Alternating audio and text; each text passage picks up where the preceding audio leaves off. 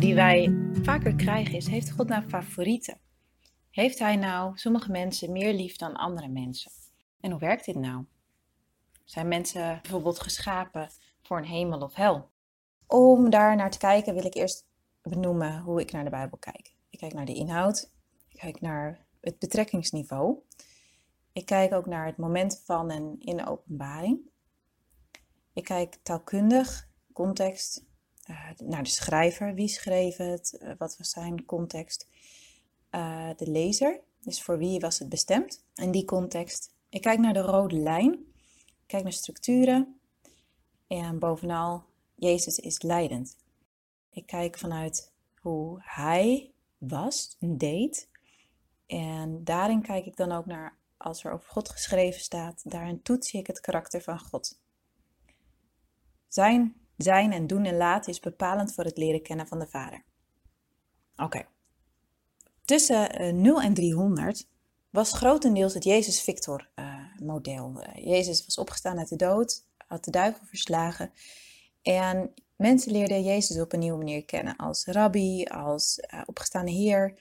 Johannes heeft hem ontmoet als Jezus in onze goddelijkheid. En uiteindelijk gezien dat hij het lam is, was en altijd zal zijn niet letterlijk, maar ook dat als symbolisch teken voor zijn ware karakter. En God heeft zich daarin steeds meer en meer geopenbaard aan de mensen. En daar dus, daardoor gingen mensen dus ook opnieuw naar het Oude Testament kijken. Er is heel veel discussie ook geweest in die tijd, van hoe moeten we dat nou zien? Uh, er waren mensen die inderdaad zeiden van nou, uh, je hebt een God van het Oude Testament en je hebt een andere God in het Nieuw Testament. Maar in Hebreeën staat, uh, hij is dezelfde gisteren, vandaag en altijd. Dus uh, ik ga ervan uit dat de God van het Oude Testament, de Yahweh, zeg maar, dezelfde is als Jezus in het Nieuwe Testament. Dat Jezus het perfecte evenbeeld is van God. En ik wil net als, als uh, onder andere Paulus opnieuw naar het Oude Testament kijken met de wetenschap nu dat ik Jezus ken en het karakter van Jezus ken. En daarin kijk, wat is er nou in het Oude Testament? En waarom lijkt God dan zo anders? Nou, hier hebben we ook uh, andere studies over, maar ik noem het wel even omdat het ook bepalend is voor dit onderwerp. Ze zijn dus opnieuw gaan kijken van wie deed nou wat, wat was God zijn rol en hoe missionair was God? Wat was nou werkelijk de wil van God en hoe hebben mensen dat beschreven als de wil van God? En uh, hebben ze dingen aan God toegeschreven. Als je kijkt tussen pakweg 300 en nu, dan is het christendom als staatsgodsdienst ingelijfd.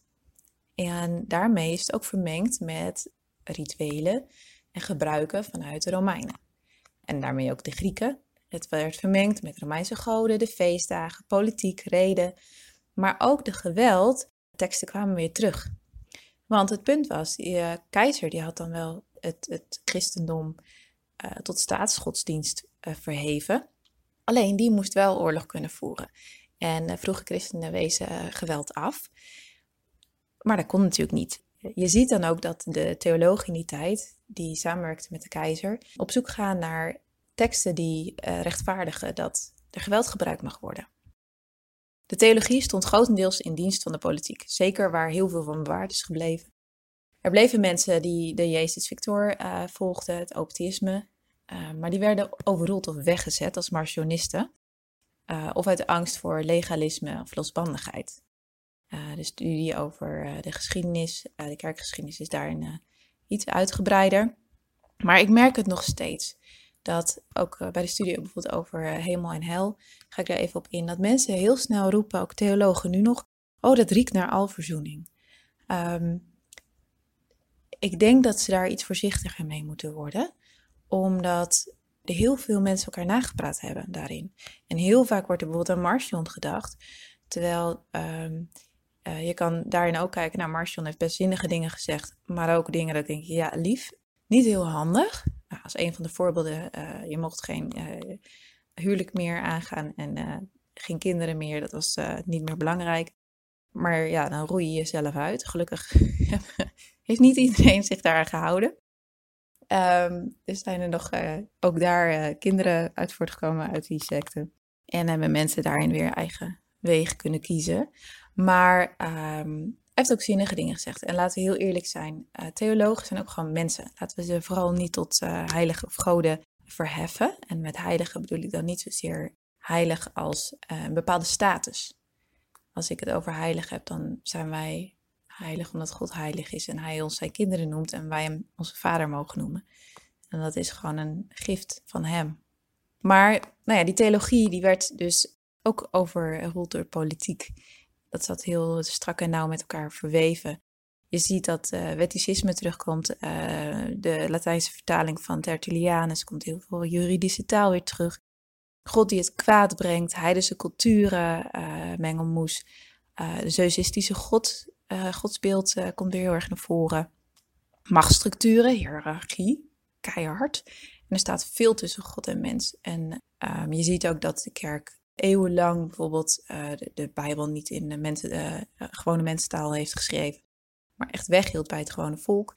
Dat er heel minderwaardig over mensen werd gedacht. Dat het echt een middel is geweest om mensen te onderdrukken, te overroelen. En er is een hoop gebeurd in Gods naam wat God echt niet heeft gewild. Um, dus hè, voor iedereen die zegt, ja, waarom al die oorlogen in Gods naam? Omdat mensen gewoon idioot doen en niet nadenken. En uh, denken dat ze Gods wil doen, maar gewoon iets meer reflectief mogen worden. En als ze eerlijk zijn, dan deden ze het voornamelijk voor hun eigen hachie. Of omdat simpelweg, als zij het niet deden, dan deserteerden ze en dan werden ze gedood. Want zo hard was het gewoon in die tijd en heel lang en daarna nog. Maar hoe zit het nou met God? Is hij zo twisten dat hij een liefdevolle en een wraakkant heeft? Heeft hij het bloed van zijn zoon nodig om zijn wraak te stillen? Is hij na het plegen van een zonde zo boos dat hij je doodt, met familie en baby's erbij? Wil hij laten zien hoe groot hij is door een heel land te laten lijden onder tien vreselijke plagen? Heeft hij dat nodig? Is dat het visitekaartje wat hij graag af wil geven? Is dat hoe hij bekend wil staan? De God die zo knap mensen kan doden? Um, nou ja, ik heb daar zo mijn gedachten over. Voor nu ga ik inzoomen op lievelingetjes. Omdat ergens dat ook heel oneerlijk is. En ook heel eerlijk gezegd, als je bijvoorbeeld simpelweg naar het verhaal van Jacob kijkt, die Jozef meer lief heeft boven zijn andere broers, denk ik, nou, dat is niet heel erg wijs. En de vruchten die dat voortbrengt zijn ook niet heel erg mooi. Je pakt een stuk verantwoordelijkheid niet en je trekt iemand voor. En zeker als je een van je kinderen gaat voortrekken, ja, dat is gewoon echt niet oké. Het is gewoon niet oké. Dat, dat is zo naar voor de andere kinderen. Het kan wel zo zijn dat één kind een bepaalde zorg nodig heeft. Uh, maar dat kun je dan met elkaar dragen. En je kunt dan ook kijken van oké, hoe kunnen we uh, er ook voor de andere kinderen zijn, tijd maken of andere mensen inschakelen, hulpbronnen inschakelen die dan even speciaal tijd nemen voor een kind die uh, ja, toch wat lijdt onder de gezinssituatie. Maar dat is zoiets anders dan dat je echt een kind voortrekt en één helemaal je oogappeltje is en de andere niet. Kinderen voelen dat. Ook al spreek ik niet uit, kinderen, ja, kinderen merken dat. God kiest zijn volk, Israël. En je zou jezelf af kunnen vragen, heeft hij dat niet al eerder gedaan met Adam en Eva? Waren dat de eerste mensen of waren zij geschapen om het verschil te maken op aarde? Het zijn altijd leuke vragen om over na te denken. Maar hij koos in ieder geval Israël, een kleine familie, niets betekent, in rouw uh, om een gestorven zoon, broer en vader. Waarvan de levende zoon kinderloos is, Abraham. Dus het is ook nog een vrij kansarme familie. In het geval van Abraham koos God, vroeg hij uh, de vader van Abraham, maar die wilde niet verder. En God vroeg toen Abraham en Abraham reisde wel verder. Vanuit Abraham kwam uiteindelijk Ismaël en Isaac. Ismaël kreeg in ieder geval twaalf zonen. Uh, vind ik wel een leuk weetje. God heeft Ismaël altijd gezegend en nooit verlaten. Hij werd door mensen verstoten, niet door God. Het is geen vrij verhaal, uh, maar toch gaat God op dat moment verder met Abraham, of we weten in ieder geval het, de geschiedenis van Abraham, omdat dat opgeschreven is. En Isaac wordt geboren. Isaac is ook kinderloos totdat hij tot God bidt en Rebecca zwanger wordt. God kiest dan de jongste boven de oudste. Verderop in de Bijbel lees je een aantal keer: Jacob heb ik lief gehad en Ezo heb ik gehaat. Huh?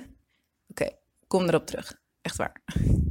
Voor nu is het even belangrijk om betekenis te geven aan waarom koos God Jacob uit.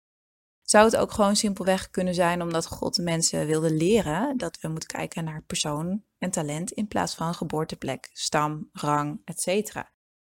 de oudste. Er wordt wat uh, hiërarchisch gekozen in plaats van talentgericht en persoonlijk gericht. Rebecca krijgt trouwens de profetie. Dat maakt dat ik denk dat God echt bezig was om iets duidelijk te maken. Echter, Isaac neemt haar niet serieus. Isaac heeft zijn oudste zoon meer lief dan Jacob. Het is ook echt een familiedingetje trouwens. Dus het is niet dat Jacob dat ineens doet, maar Isaac deed het ook al. En Abraham eigenlijk ook wel kun je zeggen, omdat hij Ismaël gewoon wegstuurt. je ziet ook bij Jacob dat hij Jozef meer lief heeft dan zijn andere kinderen. En je ziet die patronen en keuzes. Ik denk uit angst. Keuzes uit God een handje helpen. Kinderloosheid je favorieten en met alle gevolgen van dien. Het feit dat mensen favorieten hebben, betekent dat dan ook dat God die heeft? Nee, ik denk het niet. Niet per se.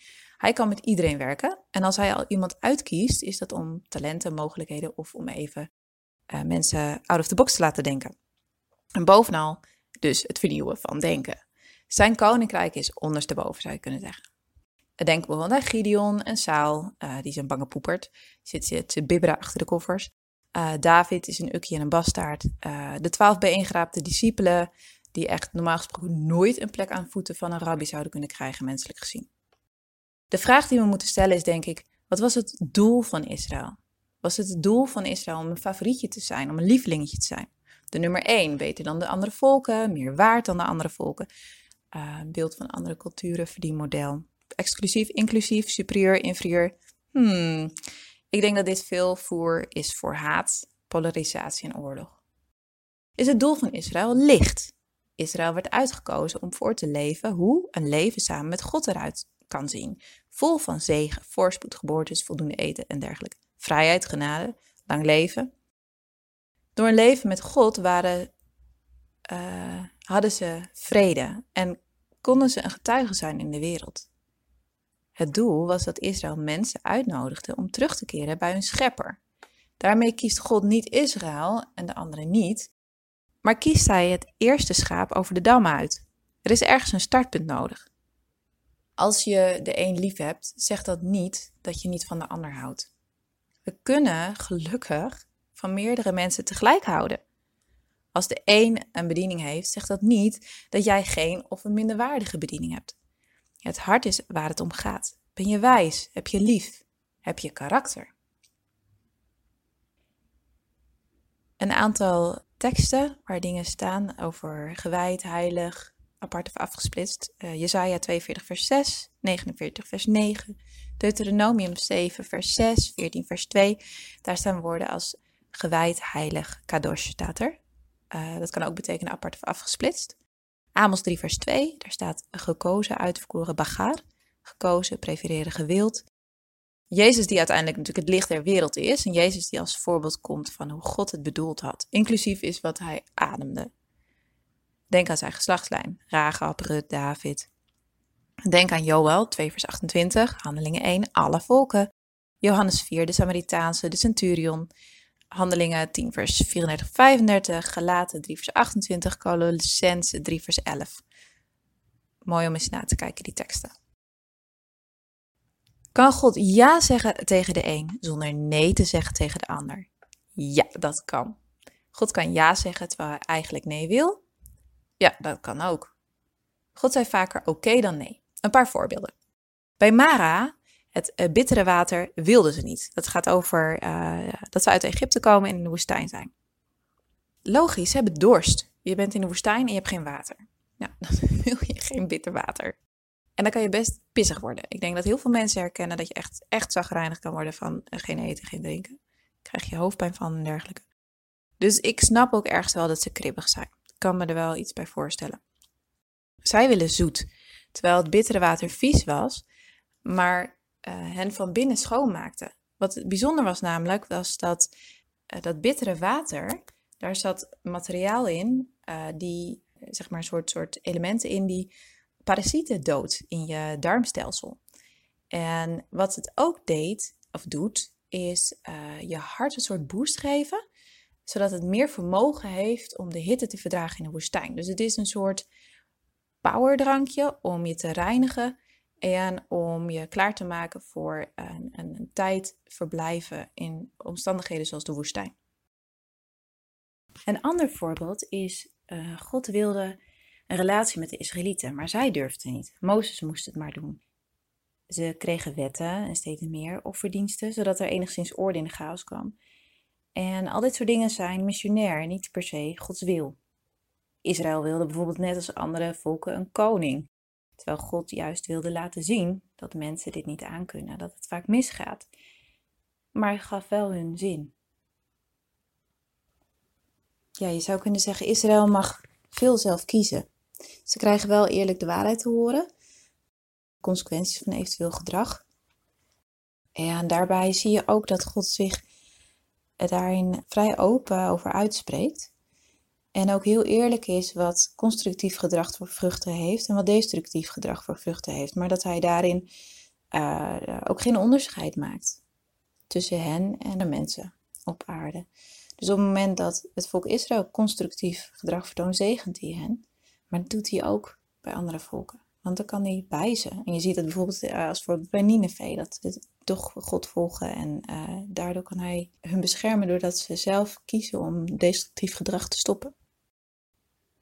Dus het is niet als straf, zo van als je niet doet wat ik zeg, dan uh, overkomt je hetzelfde als de andere mensen.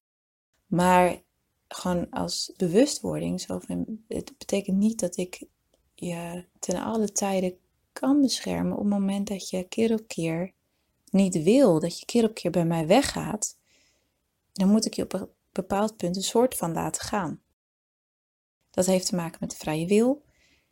En dat heeft ook te maken met dat als je kijkt naar hoe God dat aanpakt, dat hij uiteindelijk hun lot alsnog in handen houdt. Omdat hij uh, de directe consequentie uh, van het, het, loslaten um, helaas je ziet echt dat God daar echt, echt verdriet over kan hebben.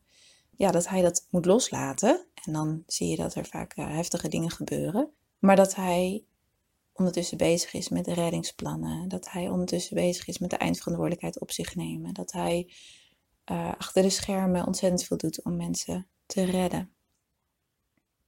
Ze krijgen, de Israëlieten krijgen dus ruimte om gehoor te geven aan hun roeping. Ze worden niet gedwongen. God blijft hen los van wat ze kiezen, liefhebben. Ook daarin zie je dat hij trouw blijft aan het verbond dat er was voordat Jezus aan het kruis hing. Een van de mooie teksten vind ik bijvoorbeeld Jezaja 57. Dat is een hele opsomming aan wat Israël niet goed heeft gedaan. En dan zegt God, en toch ga ik ze genezen. Ja, dat is gewoon zo krachtig, Gods karakter. Als Jezus aan het kruis hangt, is op dat moment het verbond met Abraham vervuld is Israël nu nog favoriet of uitgekozen? Dat is ook zo'n vraag van hé, maar dat was toen, is het nu nog omdat het verbond met Abraham is vervuld? Nou ja, ja en nee. Ik denk dat ze nog steeds dezelfde roeping hebben om het licht te zijn hier op aarde. Jezus zegt, jullie zijn het licht, jullie zijn het zout. Wat Jezus ook doet, is daarin de Israëlieten laten zien van, maar het is niet alleen voor jullie, het is voor iedereen. Die roeping is voor ieder mens. Ja, mijn liefde en uh, dat verbond is voor iedereen, het nieuwe verbond. Het is voor iedereen. En God heeft niet één volk meer lief dan het andere volk. Als je kijkt naar de christenen, dan zie je in de geschiedenis en nu ook nog christenen die juist uh, Joden vervolgen. Je ziet ook christenen die Joden juist heel erg steunen. Maar ik denk dat we wel er heel erg van bewust moeten zijn dat ieder volk gelijkwaardig is. Dat God ieder volk evenveel lief heeft. En dat als een volk vervolgd wordt, dat het onze taak is om uh, voor hen op te komen en destructie te stoppen. De kunst is alleen om dat op Jezus manier te doen en niet om cirkels van wraak te creëren. Nou, ik noemde net hè, het, het, antisemitisme. Uh, helaas komt daar heel veel voor uit de kerk. Je ziet natuurlijk in het begin dat de Joden de christenen vervolgen. Later zie je ook christenen die Joden gaan vervolgen. En uh, dat zit nog best wel uh, dichtbij. Als je kijkt naar bijvoorbeeld Luther, zijn er behoorlijk antisemitische artikelen geschreven door hem. Heeft te maken met cultuur, eh, bepaalde overtuigingen, uh, verkeerde conclusies denk ik ook.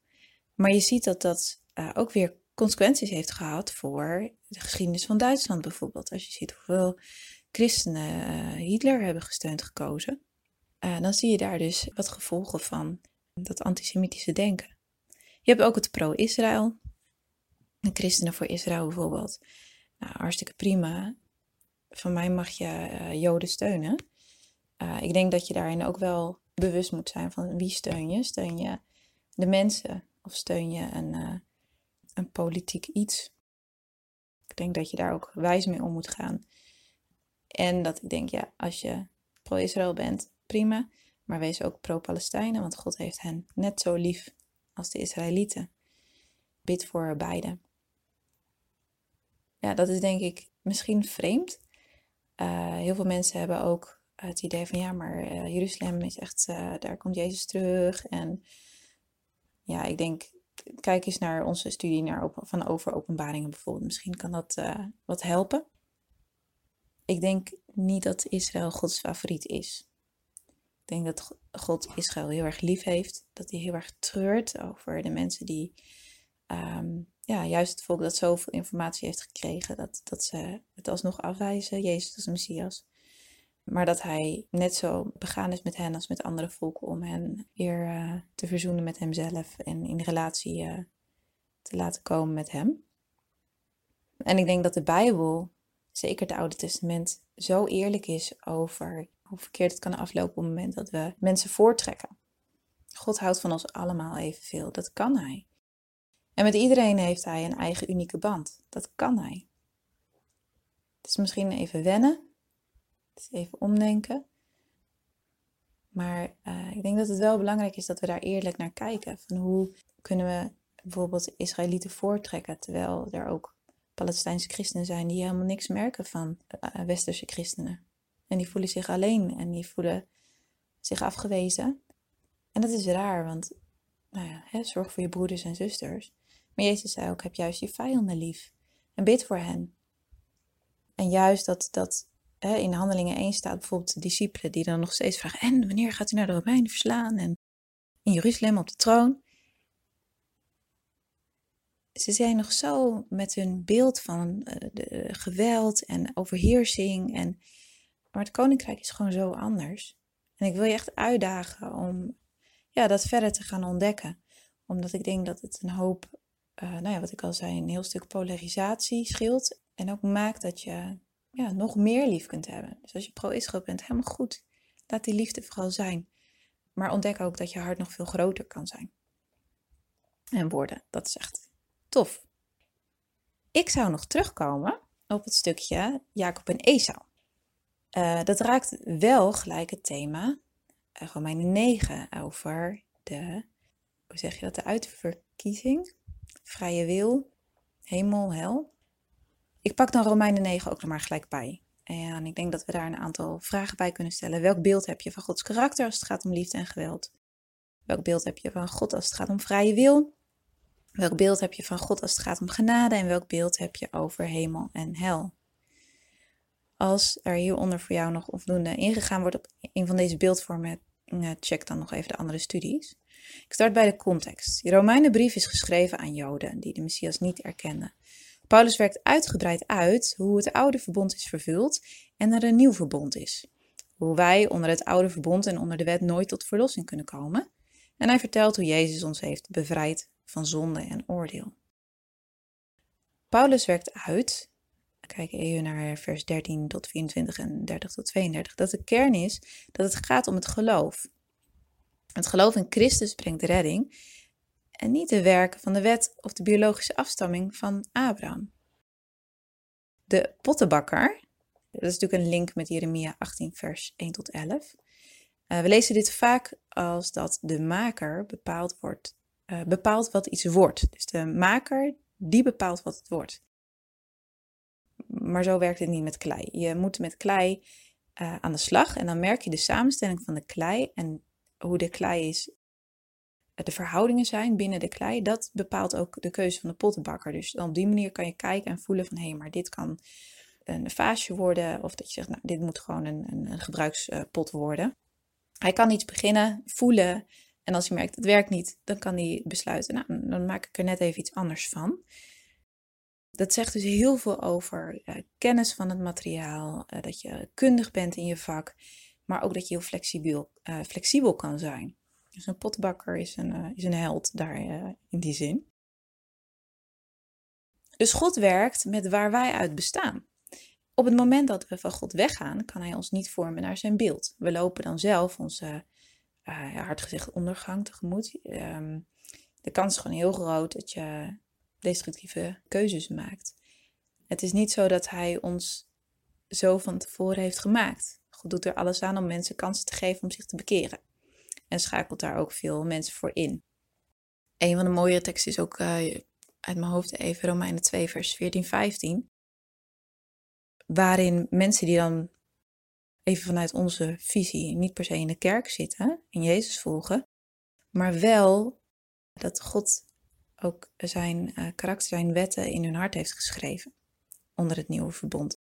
En dat je dus kan zien dat sommige mensen eigenlijk heel veel van God begrijpen en naar zijn wens en wil leven. Dus gewoon een roeping van zorg voor de natuur, zorg voor elkaar, liefhebben, voor mensen opkomen, onrecht willen stoppen. Dat ze eigenlijk al heel veel van God kennen, alleen ze weten niet dat dat God is. Heel mooi. En, um, in Romeinen kom je ook woorden als toorn tegen, uh, vers 22. Als je het woord tegenkomt, plaats dan in de plaats van het woord toorn Gods karakter daar neer. Gods innerlijke passie. En dan krijg je een hele andere sfeer in de tekst. En vooral met de info van hierboven over de pottenbakker. Dus kom je het woord toorn tegen, eh, verander dat even in uh, Gods karakter, Gods innerlijke passie. Het woord orge staat er uh, heel vaak, het Griekse woord orge. En dan geeft het gewoon veel eerlijker beeld. En dan kan je gewoon als ware Jezus daarbij bedenken. Want Jezus is het uh, perfecte evenbeeld van God. Dus kijk naar Jezus' karakter. Nou, en dan kan je ook bedenken hoe God met iemand om wil gaan. Hoe ging Jezus om met zondaren? Er staat, Jacob heb ik lief gehad, Ezo heb ik gehaat. Waar? Nou, dat komt uit Malachi. Uh, begint daar zo goed als mee. Het allerbelangrijkste is dat in deze context het niet gaat over individuele redding. Het gaat om de grotere processen. Ik start even bij Malachi. God zegt: Ik heb je lief. In plaats van dat Israël daar positief op reageert, is hun reactie: Oh, hoe zien wij dat dan? Stel je voor dat ik zeg tegen mijn man: hey, lief, ik hou van je. En hij zegt: Ja, hoe zie ik dat dan? Huh? Dat, hè? Dat is het best voorwaardelijk. Ik zeg toch gewoon van je hou. Doe even normaal. Als ik het zeg, is dat toch genoeg? Ik, ik, hè? Gek hè? En hè, alleen woorden, het is ook normaal dat ik hem een knuffel geef en dat we lieve woordjes zeggen en uh, nou, een beetje meer hebben dan alleen uh, een taalrelatie. Maar het is vreemd als je, eh, meestal als iemand zegt, hé, hey, ik hou van je, ik vind je lief, dat je dan zegt, nou, ik ook van jou. Onvoorwaardelijk, gewoon, het is er. Dat is toch iets om van te genieten, om te ontvangen. Misschien is dat vaak nog wel de kunst, uh, ook in onze Nederlandse cultuur, om te ontvangen. Iets wat valideert is het denk ik ook, die onvoorwaardelijke liefde. Als het gaat om Jacob en Esau zitten daar echt heel veel lessen in. De Bijbel leert ons dat God de houding van Esau niet goed vindt als het gaat om vanuit je hongergevoel, heel primair, keuzes te maken en de waarde van iets verlaagt naar iets vluchtigs zoals een volle maag. Als je kijkt naar het verhaal zie je verder dat God ook zijn weg met Esau gaat. Hij verdoemt hem helemaal niet of zo. Blijkbaar is er vanuit Esau het volk van de Edomieten ontstaan en die hebben het verkeerde erfdeel overgenomen. Eh, vaak hun gedrag is vluchtig, uh, primaire belangen nastreven. Het betekent niet dat dat Gods wil voor hen is geweest of Gods vloek over hun. Het zijn vaak een soort, ja, het, het voorleven van gedrag. Kinderen nemen dat over en zo gaat het in de generaties door. Waar je goed naar moet kijken is naar wat God zegt en wat Hij zegt dat de mensen zullen zeggen, hoe zij denken en kijken. En daarbij dan te bedenken dat God missionair aansluit bij waar mensen zitten. En van daaruit gaat hij mensen aanspreken en volken aanspreken om te groeien. Vers 11 en 12. Rebecca werd zwanger van onze vader Isaac, nog voor zij geboren waren of iets goeds of slechts hadden gedaan, dat door de keuze van God het doel kan blijven staan, niet van werken, maar door de roeping, is haar gezegd. De grotere zal de jongere dienen. zoals het is geschreven. Wat bijzonder is, is dat het gedeelte verder gaat over aan wie God genade schenkt of medelijden. Dat God dit zelf bepaalt. Daarna vers 16, 17 staat er, niet aan degene die wil of aan degene die rent, maar aan degene die genade geeft. Dat is interessant, want het is uiteindelijk Jacob die bang terug gaat naar Esau. Jacob is degene geweest die het eerst geboorterecht wilde en dus heeft gestolen. En Jacob is degene geweest die weg is gerend. Esau is degene geweest die genade heeft geschonken aan Jacob. Dus in dit tekstgedeelte staat het citaat uit Malachi, maar dan opnieuw bekeken. Niet als een uitverkiezing en een God die de een wel lief heeft en de ander niet, uh, wat het volk Israël graag wilde zien in de praktijk. Maar Paulus schrijft juist dat God beide lief heeft en dat hij genade schenkt aan degene die genade schonk. Eigenlijk zou je kunnen zeggen een stukje ons vader. Dus terecht dat Paulus schrijft dat het niet aan ons is om Gods rechtvaardigheid te bekritiseren. In de schrift staat dat God uh, zegt aan Farao, en dan ben ik nu bij vers uh, 17, 18. Want voor dit hele ding heb ik je opgewekt, zodat ik in jou de kracht van mij laat zien. En zo kan misschien worden gepubliceerd in mijn naam over heel de aarde. Zo dan aan hem, hij geeft genade aan wie hij wil en hij wie hij wilt verhardt. De vertaling kan hierin ook duiden op wie wil heeft genade en wie wil verhardt. Dit is even een ruwe Griekse vertaling, dus vandaar dat het niet heel lekker loopt. Ehm, maar dat is ook daar een omslag. En dat het meer gaat over de klei dan over de pottenbakker. Het feit dat Paulus spreekt over geloof in plaats van afstamming of werken en dat God daarin met al die mensen heeft gewerkt en van al die mensen heeft, uh, houdt, ongeacht hun biografie. Het gaat om geloof. Farao wilde niet geloven. Hij geloofde heel kort en daarna bedacht hij zich weer. Zijn hart verharden. Het gaat God om de houding van mensen. Staan ze in hun roeping van licht brengen, genade schenken, etc. Of lopen ze bij die roeping weg? Heeft God dus zijn hart verhard of neemt God de verantwoordelijkheid hier op zich? Nou, nogmaals, check maar even de studie ook nog over Gods karakter en over hemel-hel. Ehm, dat kan ook nog een stukje extra uh, input geven. Maar als ik op deze manier uh, naar Romeinen 9 kijk, kan ik hier geen uitverkiezing uithalen.